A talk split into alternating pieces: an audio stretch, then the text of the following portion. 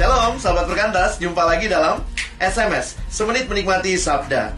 Di dalam kampanye, para kontestan biasanya memberikan banyak janji.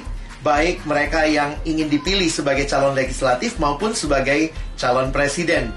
Tapi pertanyaannya setelah mereka terpilih, apakah mereka sanggup melakukan janji itu?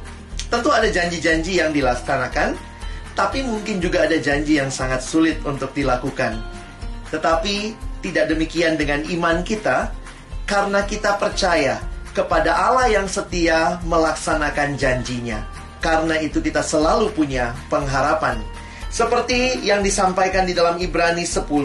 Marilah kita teguh berpegang pada pengakuan tentang pengharapan kita.